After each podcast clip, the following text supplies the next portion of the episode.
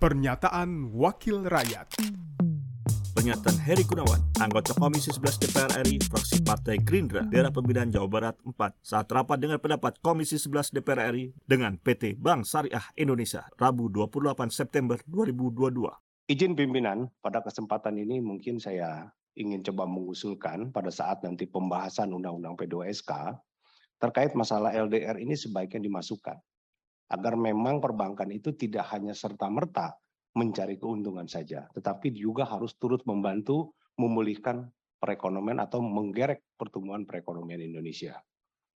Nanti mungkin kita bisa masukkan dalam Undang-Undang P2SK, pimpinan.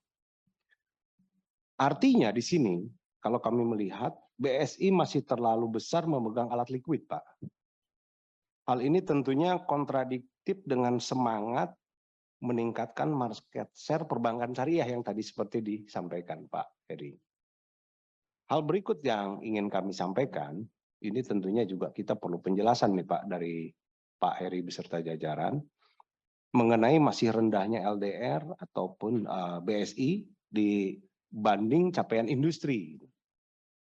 Uh, tentunya mengapalah BSI kurang optimal dalam menyalurkan pembiayaan. Pernyataan Heri Gunawan, anggota Komisi 11 DPR RI, fraksi Partai Gerindra, daerah pemilihan Jawa Barat 4, produksi TV dan radio Parlemen, Biro Pemerintahan Parlemen Sekjen DPR RI. Pernyataan Wakil Rakyat